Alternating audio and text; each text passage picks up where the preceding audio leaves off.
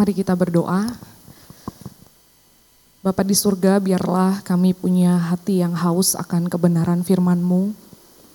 Pagi ini kami sungguh merindukan ada perjumpaan pribadi kembali dengan Tuhan ketika kami merenungkan kebenaran firman Tuhan.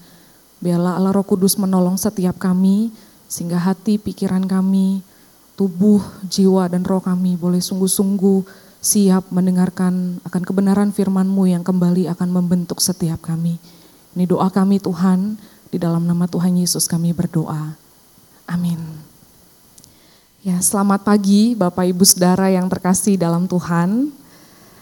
Kita bersyukur karena pagi ini kita boleh diberi kesempatan kembali untuk sama-sama merenungkan akan kebenaran firman Tuhan. Saya mengajak kita untuk sama-sama membuka satu bagian Alkitab yang terambil dari Injil Matius. Injil Matius pasalnya yang keempat, ayatnya yang ke-18 sampai yang ke-22.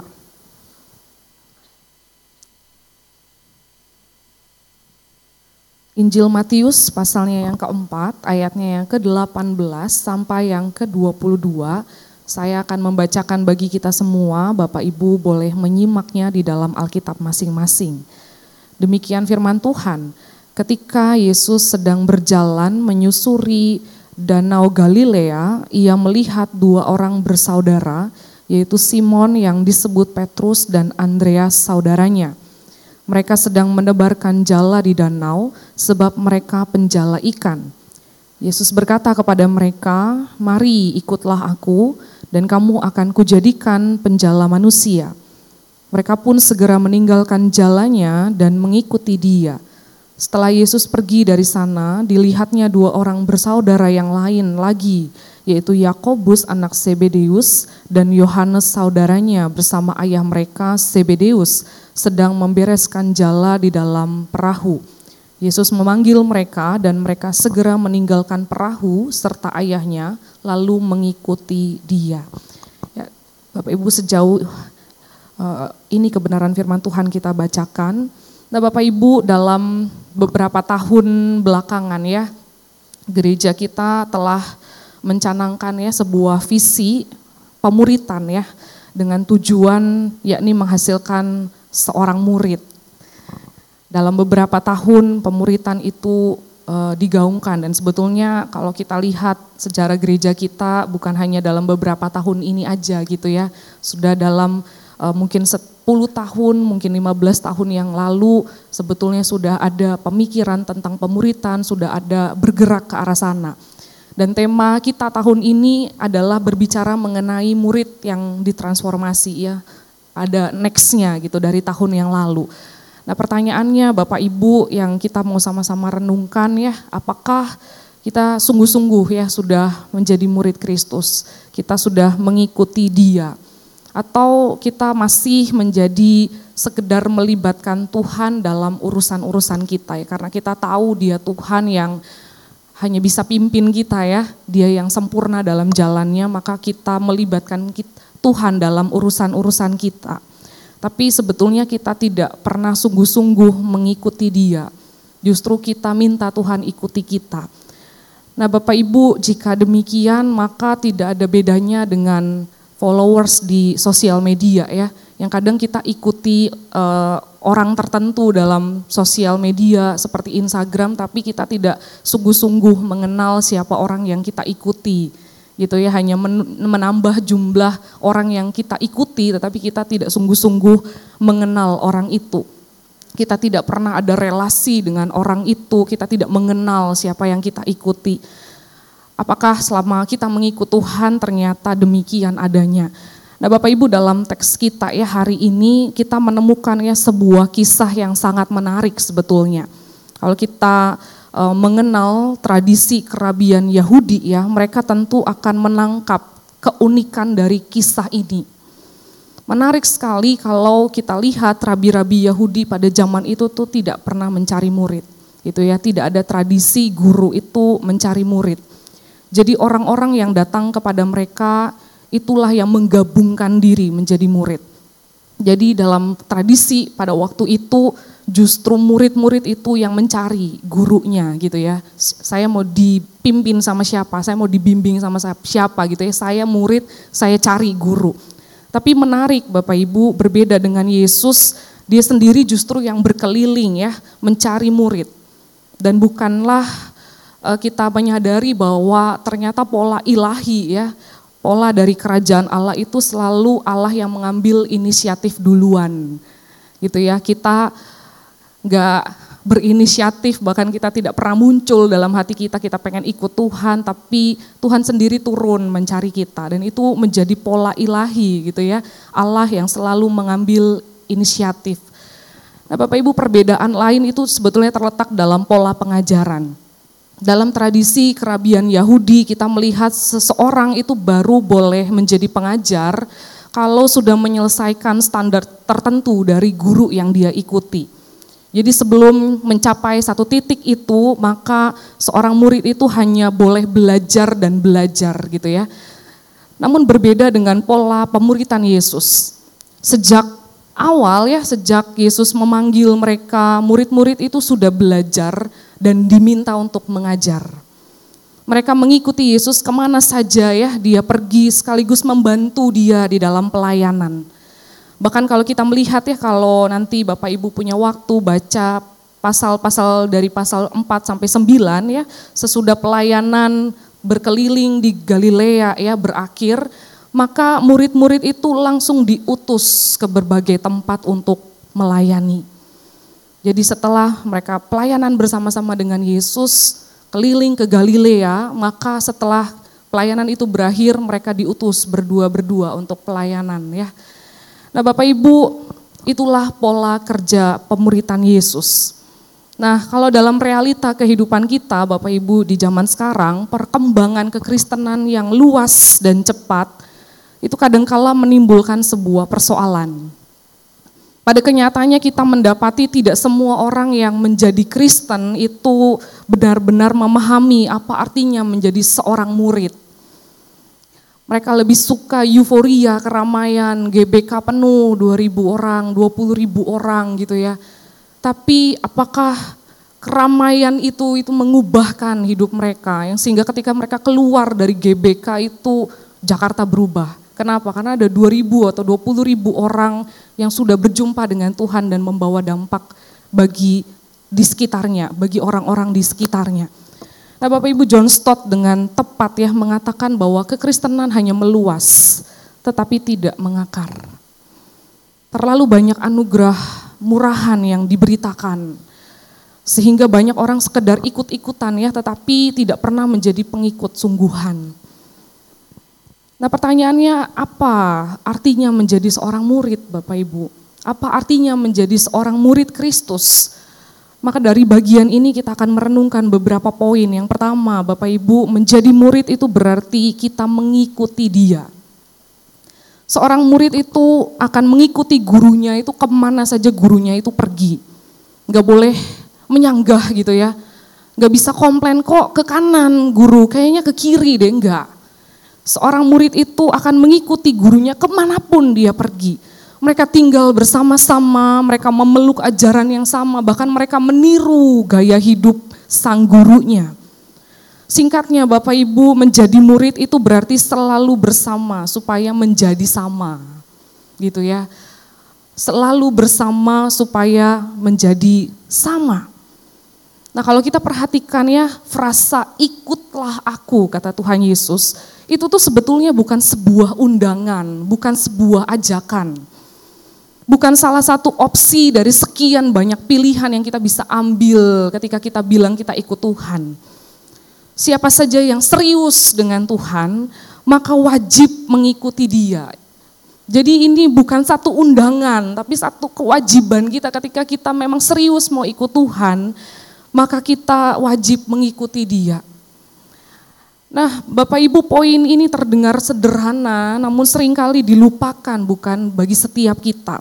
Kita sering kali hanya meminta ya penyertaan Tuhan, berkat-berkat Tuhan, tetapi kita tidak mau, kita sulit untuk mengikuti pimpinannya. Dan ini masalah kita gitu ya, masalah engkau dan saya. Menjadi murid itu wajib mengikuti Yesus ke mana pun dia pimpin kita, bawa kita. Tapi sering kali justru kita maunya pakai jalan kita sendiri, malah minta Tuhan yang ikuti jalan kita. Nah Bapak Ibu, awal tahun kemarin ya, tahun ini, saya pulang ke kampung saya ya di Cilacap. Papa saya, mama saya datang bawa mobil dari Cilacap ke Jakarta, lalu kami bersama-sama pulang dari Jakarta ke Cilacap. Nah karena bawa mobil, maka saya yang baca Google Map ya. Saya nggak terlalu mahir baca Google Map, maklum wanita ya, bisa salah. Nah karena saya tahu saya tuh nggak terlalu jago baca Google Map, maka saya pantengin gitu ya, takut-takut salah. Ntar nyasarnya ke mana kita nggak tahu gitu. Jadi saya pantengin itu Google Map. Jadi setiap jalan, setiap pergerakannya tuh saya amatin gitu. Saya kasih tahu papa saya nyetir, harus belok kanan, harus lurus, masuk tol yang mana, saya kasih tahu gitu ya ke papa. Saya udah pantengin Bapak Ibu, papa saya ngeyel. Jadi kita nyasar sampai ke Bogor. Jadi harusnya pulangnya ke Cilacap, ujungnya ke Bogor. Karena saya bilang kayaknya kita belok kiri gitu ya. Kita e, masuk ke tol yang apa gitu. Kayak enggak ini masih jauh, lurus saja, lurus saja. Ntar di depan ada belokan lagi. Aduh, setiap mau belok tuh susah ngeyel gitu ya. Sampai pada akhirnya kita benar-benar di Bogor. Saya bilang waktu nyampe di Bogor, ini mau ke Bogor atau mau ke Cilacap nih. Kalau papa masih ngeyel, saya turun sini aja deh.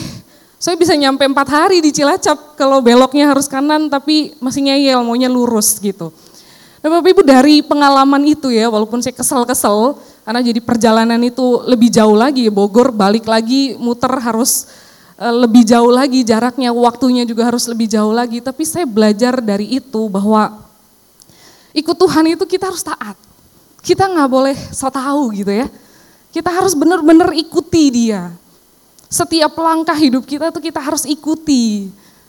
Kita nggak bisa uh, Tuhan bilang ke kiri, Tuhan arahnya ke kiri, kita ke kanan sendiri. Akhirnya nyasar gitu ya. Mungkin itu ilustrasi yang sederhana yang bisa menolong kita ya Google Map aja kita ikuti, yang kadang salah ya. Bahwa kita ke tempat yang salah, tapi kita ikuti, kita percaya sama dia. Tapi sering kali kita sebagai pengikut Tuhan, kita sulit untuk percaya sama Tuhan ya. Kita buat jalan kita sendiri, kita buat arah kita sendiri yang pada akhirnya sebetulnya membuat kita tuh lebih muter lagi gitu ya.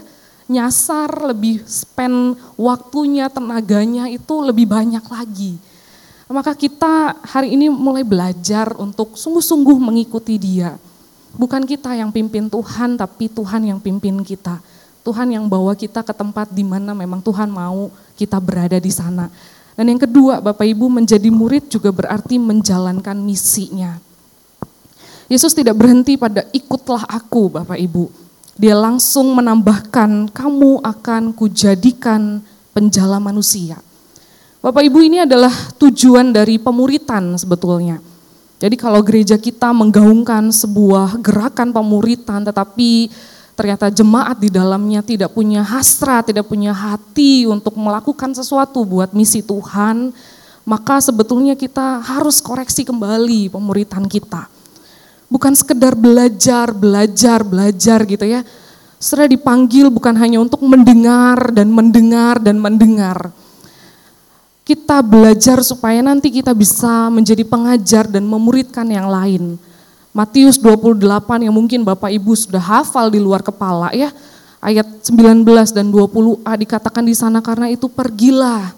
Jadikanlah semua bangsa muridku, baptislah mereka, lalu ajarlah mereka melakukan segala sesuatu yang telah kuperintahkan kepadamu Bapak Ibu panggilan ini bukan diberikan hanya kepada para hamba Tuhan, bukan hanya kepada orang-orang tertentu, tetapi kepada setiap umat Tuhan yang mengaku bahwa dirinya mau ikut Tuhan.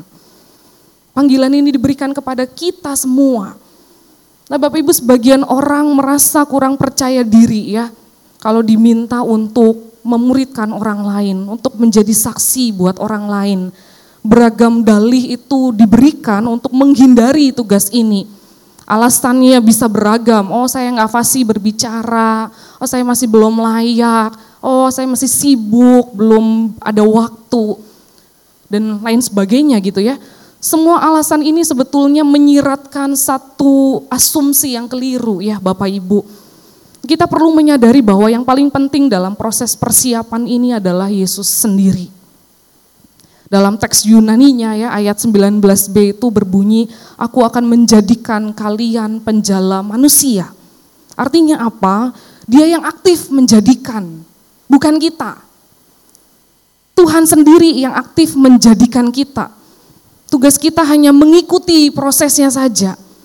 Nah Bapak Ibu kalau kita merenungkan ini, bahwa kita dipanggil untuk mengerjakan misi Tuhan, ya sekian tahun kita jadi murid Tuhan, sudahkah kita mengerjakan misi itu? Tahu nggak misi Tuhan itu apa? Sudahkah kita mengerjakannya? Atau kita punya dalil-dalil tertentu, dalil-dalil yang membuat kita akhirnya tidak pernah melakukan misi Tuhan itu. Bapak Ibu kalau ditanya ya pernah nggak sih Cuantau Putri ini merasa nggak mampu melayani Tuhan, mengajar banyak orang, apalagi masih muda? Bapak Ibu jawabannya pernah. Bahkan sering kali gentar gitu ya, takut. Karena orang-orang yang dilayani kadang terlalu besar gitu ya, terlalu di atas. Ada momen-momen tertentu saya merasa bahwa pelayanan yang dipercayakan itu terlampau besar. Saya tidak mampu melakukannya, saya nggak tahu cara melakukannya. Ketika saya pelayanan di tempat ini saya lihat, wih jemaatnya besar gitu ya. GKI Sunter ini bukan hanya jumlahnya yang besar, tapi jemaatnya juga punya kapasitas-kapasitas yang besar.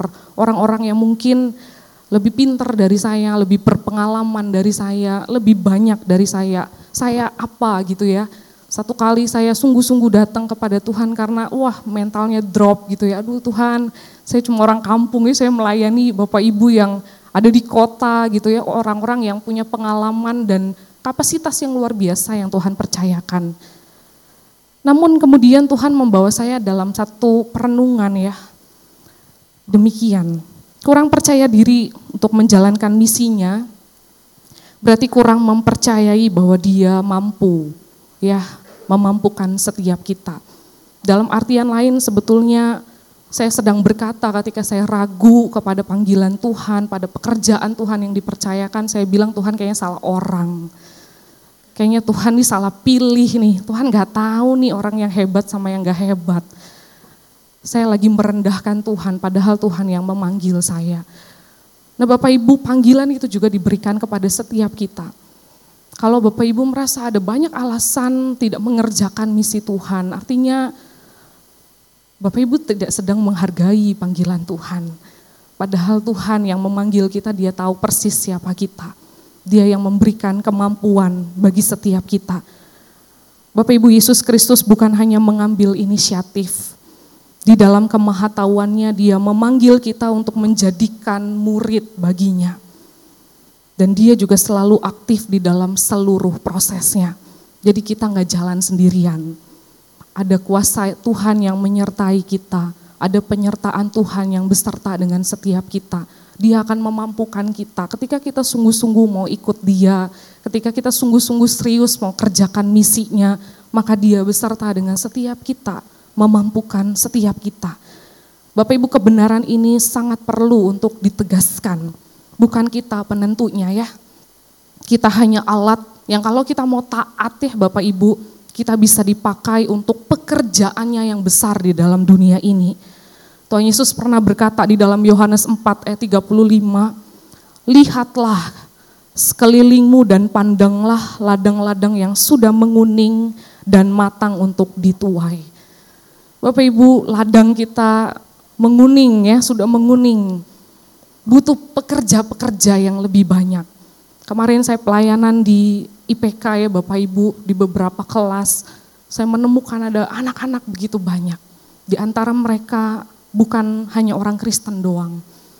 Saya rasa, wah ini pekerjaan Tuhan yang besar. Mereka itu diwajibkan untuk ikut chapel, mereka diwajibkan untuk dengar Tuhan. Saya pikir kebenaran firman Tuhan itu harus didengarkan kepada mereka, tapi siapa yang akan melayani? Dan itu baru di IPK ya Bapak Ibu, kita lihat di ladang-ladang yang lain, pekerjaan Tuhan begitu banyak. Maka mari kita bersama-sama bukan hanya menjadi seorang penggemar Kristus, tapi sungguh-sungguh menjadi pengikut Kristus. kita berdoa Tuhan mau apa dalam hidup saya yang sudah ditebus. Bapak Ibu, siapkah kita ya menanggalkan segala sesuatu yang bisa menghambat ya proses kita menjadi murid Kristus. Entah itu dosa-dosa kita yang perlu kita tinggalkan, relasi-relasi tertentu, pekerjaan, kebiasaan, hobi dan sebagainya. Biarlah anugerah Allah ya yang memampukan kita semua mengambil dan melakukan keputusan yang benar sebagai pengikut Kristus. Mari kita berdoa.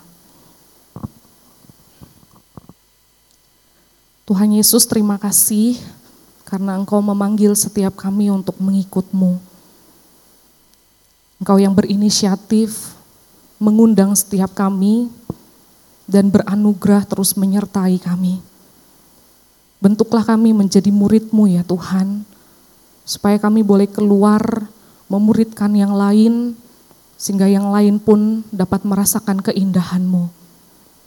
Firmanmu telah diberitakan, tapi biarlah Allah Roh Kudus beserta dengan kami dan membantu kami mencerna kebenaran firman Tuhan di dalam konteks kehidupan kami masing-masing. Dan biarlah kebenaran firman Tuhan ini yang akan menuntun kami menjadi seorang murid Kristus yang sejati.